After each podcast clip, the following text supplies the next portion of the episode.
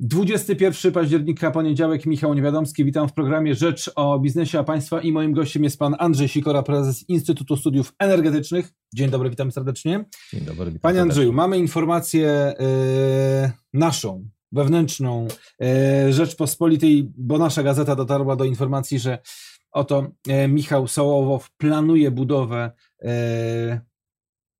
elektrowni atomowej razem z GE, czyli General Electric.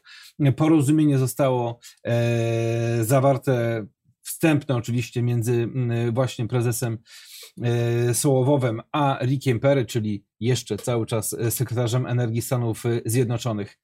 Mowa o tych małych e, reaktorach e, jądrowych, czyli nie wielkim bloku jądrowym, o którym myślał rząd, ale tych małych e, reaktorach. Czy Pana zdaniem to jest szansa na rozwój energetyki jądrowej w Polsce? No, przede wszystkim to olbrzymie brawa, szacunek, e, duża pokora. E, Uwielbiam takie informacje, że to nie rząd e, zajmie się elektrownią atomową, a prywatny biznes. Hurra, powiedziałbym, bo to w końcu oznacza, że zaczynamy wchodzić w normalny, komercyjny kierunek. E, Proszę popatrzeć właśnie na Stany Zjednoczone, gdzie te elektrownie to nie jest e, przedmiot e, biznesu państwa jako taki. Pewnie mało wiemy, bo no, dla mnie to zaskoczenie. Mhm. Em, Nie spodziewałem się. E, Lokalizacja fantastyczna. Jeżeli chodzi o miejsce Mhm. dla nowej e, Siedziba Syntosu, tak, Alvernia. e, ale to ze względu na włączenie do sieci, na wodę, no to parę jest takich elementów, które muszą być brane pod uwagę, jeżeli chodzi o konieczność budowy elektrowni. Nie wiem, jak to będzie wyglądało w przypadku elektrowni atomowej, bo to są jeszcze kwestie Mhm. geologiczne. No pewnie mają to zbadane, jeżeli doszło do tego typu e, zobowiązań. Mówię, że wyzwanie, e, bo ta technologia jest technologią stosunkowo nową. SMR. Tak, małe modularne reaktory. E, Jest parę, mm, że tak powiem, dróg, w jaki sposób dojść do tego rozszczepienia, mm, bo tam są też niestabilne jądra atomowe. Może o technologii nie będziemy w tym momencie Mhm. mówić, ale chcemy powiedzieć, że to jest kompletnie e, o krok do przodu, tak? kompletnie nowa, e, mówimy o czwartej generacji e, i tu olbrzymie wyzwanie dla służb tych nazwijmy to regulacyjno-prawnych, tak? bo to będzie, jeżeli to rzeczywiście w tym kierunku e, pójdzie, to znaczy, że e, Państwowa Agencja Atomistyki no, jako pierwsza będzie musiała się zmierzyć z tym e, problemem.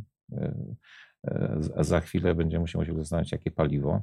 No, a przede wszystkim reakcja lokalna społeczeństwa to no, ja jestem zwolennikiem elektrowni atomowej i bardzo się cieszę, że pójdziemy o ten krok do przodu, ale no, widzę olbrzymią y, masę rzeczy takich, które muszą być wykonane e, w, w tym momencie. Duży szacunek to i gratulacje. Ale proszę powiedzieć, czy to znajdzie się w takim, czy rząd Pana zdaniem poprze tego rodzaju inicjatywy, czy raczej będzie bardzo ostrożny i niechętny, trochę pokazując zazdrość, że prywatnemu się udało, a, a, a publicznej spółce od lat y, y, wydaje się pieniądze i od lat niewiele się w tej, w tej dziedzinie w Polsce robi. Cztery lata mieliśmy rządu e, Zjednoczonej Prawicy, gdzie nie poznaliśmy ani technologii, ani nawet sposobu finansowania, ani lokalizacji. No, ale to też można by łatkę przypiąć poprzednim rządom e, i dojść aż do e, świętej pamięci Tadeusza e, Mazowieckiego, który zamknął budowę elektrowni atomowej tak, w tamtym okresie. To nie o to chodzi. E, Ja bym nie chciał być tutaj, nie wiem, Kasandrą, wróżką i mówić, czy to dobrze, czy źle, jak się rząd. Myślę, że rząd o tym wie, tak? No przecież ten sam sekretarz stanu rozmawia z polskim rządem na temat dostaw LNG i innych Mhm. surowców energetycznych. To trudno mi sobie wyobrazić, że to jest informacja, która była, nie wiem, przed e, rządem skrywana, dlatego żeby prywatny przedsiębiorca mógł to ogłosić szczęśliwie już nie giełdowa spółka, Mhm. tak? To jeszcze też były następne e, e, e, elementy. Mm, Olbrzymie wyzwanie dla nauki. To naprawdę przy takim podejściu e, no, proszę Państwa, jest parę na świecie takich reaktorów, które w ten sposób pracują i aż trudno mi znaleźć choć jeden, który pracuje komercyjnie w zakładzie przemysłowym, a rozumiem, że to tak ma być zrobione. No to trochę jak zmodernizowana wersja F-35 w polskiej energetyce. Fantastycznie. Z mojej perspektywy to jest bardzo dobra informacja, żeby się Wam udało, chłopaki. Jesteśmy tydzień po wyborach, ważnych wyborach. Mniej więcej wiemy, kto wygrał, kto przegrał, ale jeszcze nie wiemy, kto będzie ministrem energii. To może zostawmy, no bo nie będziemy wróżyć z fusów, ale zastanówmy się, jakie wyzwania stoją przed ministrem energii. Z jednej strony zamrożone ceny prądu jeszcze przez e, połowę października, listopad i grudzień i pytanie, co od stycznia a z drugiej strony no, pytanie też, jak ta energetyka ma wyglądać, bo założenia w polityce energetycznej państwa 2040 nie do końca odpowiadają tym, co dzieje się na rynku i w którym kierunku świat podąża. Co Pana zdaniem jest teraz kluczowe dla nowego ministra? No to jednak wróżenie z fusów, tak? Bo jeżeli założenia do polityki energetycznej są, e, żeby nie powiedzieć błędne, e, to niedopasowane do e, obecnych warunków, to odpowiedź na to pytanie to jest jednak trochę wróżenie z fusów, a ja bym powiedział, że przecież niekoniecznie musi być Ministerstwo Energii, bo może być klimatu i energii, prawda? Mhm. I do tego by pan się skłaniał? Ja od lat mówię, że e, tak jak mówił Clinton, gospodarka główcze, to zdefiniujmy gospodarkę po to, żebyśmy odpowiedzieli na pytanie, jak ma wyglądać polityka energetyczna, która jest krwiobiegiem gospodarki, z której będzie wynikała polityka energetyczna i działania, które powinny być nie do wyboru nowego ministra, nowego Sejmu, tylko powinny być e, takim e, no, paradygmatem, jak to ładnie się mówi, taką dłuższą perspektywą uzgodnioną na pokolenia i niezmienianą w zależności od tego, z której strony wiatr zawieje. Polska nie ma E, modelu e, gospodarczego, modelu energetycznego, narzędzia, na podstawie którego moglibyśmy robić te e, prognozy. No i w związku z tym wróżenie z fusów. Mamy wielki problem, jeżeli chodzi o cenę energii bo te składowe, które się złożyły w zeszłym roku na drastyczny wzrost cen energii, wcale się nie zmniejszyły, bo z jednej strony ceny węgla na rynku wewnętrznym u nas w Polsce są cały czas y, wysokie, mimo że na e, giełdach e, ARA są one e, jednak w tendencji spadkowej, a do tego uprawnienia do emisji CO2, koszty tych uprawnień cały czas wysokie w okolicach 30 euro za tonę, czyli te składowe się nie zmniejszyły. No i pytanie, co się stanie 1 y, stycznia? Jak, pan, jak panu się wydaje? Zostanie to częściowo zamrożone, na przykład dla e, odbiorców indywidualnych, a dla reszty będzie uwolnione, co oznacza, że tak czy inaczej przerzucona zostanie ta cena na odbiorców indywidualnych, czy też możemy mieć do czynienia z kolejnym mrożeniem cen energii? Mrożenie cen energii było decyzją polityczną, nie decyzją biznesową. E, proszę sobie wyobrazić, że rząd wprowadziłby cenę na pomarańcze albo, nie wiem, na cukier, tak, żeby nie mówić o na przykład paliwach na stacjach benzynowych. Dlaczego nie możemy wprowadzić 5 zł jutro i mieć przez najbliższe 10 lat 5 zł? No to jest taka decyzja, tak? A umówiliśmy się wcześniej, że rynek energii elektrycznej, w ogóle rynek energetyczny ma być rynkiem towarowym, ma być rynkiem, e, na którym działają prawa energii, prawa rynku. E, w związku z tym zamrożenie cen energii było błędem, e, jeżeli nie tylko decyzją polityczną. No, skutki mamy do dzisiaj. Trudno powiedzieć, jak sobie te skutki będziemy wyobrażać no właśnie za chwilę bo dla nas najważniejszym problemem, oprócz oczywiście Jana Kowalskiego, który musi zapłacić e, rachunek e, za, te trzy miesiące, to jest kwestia przemysłu ciężkiego w Polsce.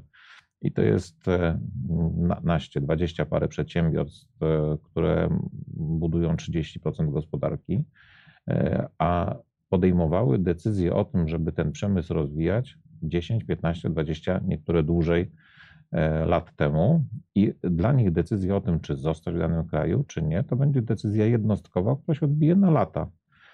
E, żeby przypomnieć tylko wygaszanie e, wielkich pieców w hutach Ja już nie mówię o innym e, ciężkim przemyśle, jak na przykład chemia, tak? To mhm. też jest ciężki przemysł energochłonny. E, ale bez tych decyzji, no bo być może społeczeństwo nie chce takiego przemysłu, tak? Może, może rzeczywiście młode pokolenie powie, my nie chcemy w Polsce budować, nie wiem, samochodów, czołgów albo tego przemysłu stalowego. Kupimy sobie stal z zagranicy i pójdziemy w kierunku wysoko czy wyżej przetworzonych produktów. Potrafią to robić inne kraje na świecie znakomicie, a Polska jest jednym praktycznie 20-25 najbogatszym krajem świata. Nie bójmy się tego e, naszego bogactwa w stosunku do, no, do reszty świata i taka polityka powinna być zdefiniowana. Czyli wtórne jest e, z punktu widzenia gospodarki, e, ile zapłaci gospodarstwo domowe, ważne, ale wtórne. Najważniejsze jest to, w jaki sposób odpowiedź pójdzie do, do przemysłu, również do spółek e, handlujących energią. Proszę popatrzeć, ile tych spółek utraciło swoje no, przychody dzięki politycznej decyzji ministra. Pomyśl, po, porozmawiamy teraz trochę o tym, co nas czeka w najbliższych latach, nie tylko najbliższych tygodniach czy miesiącach. Widzimy z jednej strony, już mówimy o tym, o, o, o CO2, z drugiej strony budowana jest y, Ostrołęka, ale pytanie zasadnicze brzmi, czy nie powinniśmy szybciej w naszej strategii odchodzić jednak y, od węgla? Teraz jest 81% naszej energii wytwarzanych, jeżeli w, w oparciu o, o, spalanie węgla. W 2030 będzie cały czas wysoko. Pytanie, czy te 60 kilka procent zapisanych w 2030 roku nie powinno być jednak za 10 lat znacząco zredukowane, biorąc pod uwagę koszty wytworzenia tej energii z jednej strony koszty wytworzenia, ale z drugiej strony koszty społeczne, tak? bo mm, fajnie widać, no właśnie w Krakowie na przykład ostatnio, e, że jednak ta natychmiastowa działalność, która spowodowała odejście od tej niskiej emisji, e, daje mieszkańcom Krakowa e, oddech. E, ja nie chcę odpowiadać na to pytanie, czy lepiej szybciej, czy później, czy budować e, więcej OZE, czy elektrownię atomową, czy odchodzić z węgla, bo na to powinna odpowiedzieć właśnie polityka energetyczna oparta na polityce gospodarczej, na tymże modelu, e, narzędziu, który byłby takim predykcyjnym modelem odpowiadającym na parę scenariuszy, bo to trudno sobie powiedzieć, czy tak, czy nie, tym bardziej, i to jest bardzo ważne, że jako Europa, wspólnota krajów europejskich, mamy problem z surowcami energetycznymi. I e, mimo, że te parę, no ponad 20 krajów e, wysoko rozwiniętych, e, to, to są kraje, które mają deficyt surowcowy, energetyczny. Musimy kupować surowce do produkcji energii. I e, kolejna rzecz to to, że jednak jest olbrzymia mm, przepaść, taka technologiczna, bym powiedział, ale przede wszystkim jest coś takiego jak olbrzymie przyspieszenie w tych e, nowoczesnych e, sposobach przetwarzania energii oraz wiedzy, którą dostajemy w przeciągu paru ostatnich lat. E, dość powiedzieć o tym, że wydaje się, że to wodór będzie tym mostem energetycznym, który połączy to dzisiejsze pokolenie z 2040-50 roku. I dzisiaj wodór, który na Ziemi jest e, w postaci wody, w postaci metanu, ale jest głównym budulcem znanego nam wszechświata, więc e, no właśnie, podróż na Marsa, czy, czy wyjście z tej naszej ziemskiej cywilizacji daje konieczność popatrzenia, no na węglu nie polecimy, mhm. nawet na ropie naftowej, tak? Czyli paliwa kopalne pewnie nie. A z drugiej strony, i to jest też bardzo ciekawe, Młode społeczeństwo nie ma kompletnie e, pomysłu na to, e, w jaki sposób do tego podejść. To, to, to, dla młodego człowieka prąd e, elektryczny jest oczywistością, tak? ciepło jest oczywistością. On nie musi walczyć o to, żeby mieć dostęp do naładowania swojej komórki czy, czy, czy, czy, czy komputera. On to musi mieć. Tak? I pewnie o takim skoku myślę, ponieważ pewnie za chwilę okaże się, że znajdziemy jako ludzkość no tak jak się pojawiły prawa Maxwella, które dały nam elektryczność, jak się pojawiły paliwa kopalne, które niejako wypchały samochody elektryczne. Pierwszym samochodem elektrycznym samochodem wymyślonym przez Ferdynanda Porsche był samochód elektryczny 1896 rok i po prostu paliwa kopalne wypchnęły mhm. te samochody elektryczne. Myślę, że to jest taka luka 5-7 lat i my nie możemy się zasklepić tym, że jednak zostaniemy na węglu, tylko z jednej strony patrzeć tak, no bezpieczeństwo, tak, i rzeczywiście musimy mieć ten prąd e, w miastku, ale z drugiej strony jednak dość duże środki przeznaczyć na spróbowanie e, e, znalezienia no, to czegoś nowego, takiego właśnie no, wodoru, może fuzja jądrowa, która ciągle jest w, w, w powijakach, tak. No i przede wszystkim nauczenie społeczeństwa, że to nie jest technologia, która jest e, nie do opanowania. Tak? Mhm. Wszyscy też bali się maszyny parowej, która przegrywała z koniem, a jednak poszliśmy w erę pary. Pytanie, które też nasuwa się obserwując e, minione miesiące, to rozwój energetyki odnawialnej, bo z jednej strony ta ustawa o odnawialnych źródłach energii notabene sama była wielokrotnie odnawiana i branża się śmieje, że to y, nie mamy tyle energetyki odnawialnej w Polsce, co mamy ustawę permanentnie odnawianą, śmiejąc się oczywiście trochę. Natomiast gdy zobaczymy, co się dzieje, jeżeli chodzi o farmy fotowoltaiczne, gdzie moc zainstalowana to jest 1 giga, e, co pokazuje, że nie stworzono jakichś fantastycznych warunków dla rozwoju tego rodzaju energetyki, ale to przedsiębiorcy i obywatele zobaczyli, że ceny energii są niestabilne, że cena energii może znacząco wzrosnąć od przyszłego roku i że warto postawić na częściową albo, albo całkowitą autogenerację. Stąd też te, e, ta, ta, ta wielka popularność paneli fotowoltaicznych i rozwoju e, fotowoltaiki. Żeby teraz zamówić na dachu pana domu e, czy w fabryce Kowalskiego taki, taką instalację, trzeba czekać trzy miesiące na instalatora. Takie jest zapotrzebowanie na, na fotowoltaikę. Zaskoczyło to pana? Nie, znaczy, nie zaskoczyło, dlatego że myśmy się spodziewali jednak drastycznych e, skoków wzrostu cen e, prądu elektrycznego, e, żeby przypomnieć publicznie moją wymianę zdań z ministrem Tchórzewskim wtedy w radiowej trójce, mhm. który się zaklinał, że to się nie odbędzie. No i odbyło się w ten sposób, że ceny no nie podskoczyły, bośmy dostali, nazwijmy to, dotacje. Tak, ale to nie o to chodzi. Ale Wzrost cen e, spowodował jedną zasadniczą e, rzecz, a mianowicie zwiększył natychmiast opłacalność wykorzystywania tychże e, paneli fotowoltaicznych. A to, co Pan powiedział, a mianowicie brak pewności, spowodował, że ci wszyscy, na których stać, tak, ci wszyscy, którzy muszą mieć ciut więcej pewności, czytaj, być odpowiedzialni energetycznie i być przygotowani lokalnie za swoje bezpieczeństwo energetyczne. Proszę patrzeć, jak to zmienia e, perspektywę, tak? Trzy pokolenia do tyłu też mój dziadek był odpowiedzialny energetycznie, bo trzeba było do lasu iść po drewno, tak? Mhm.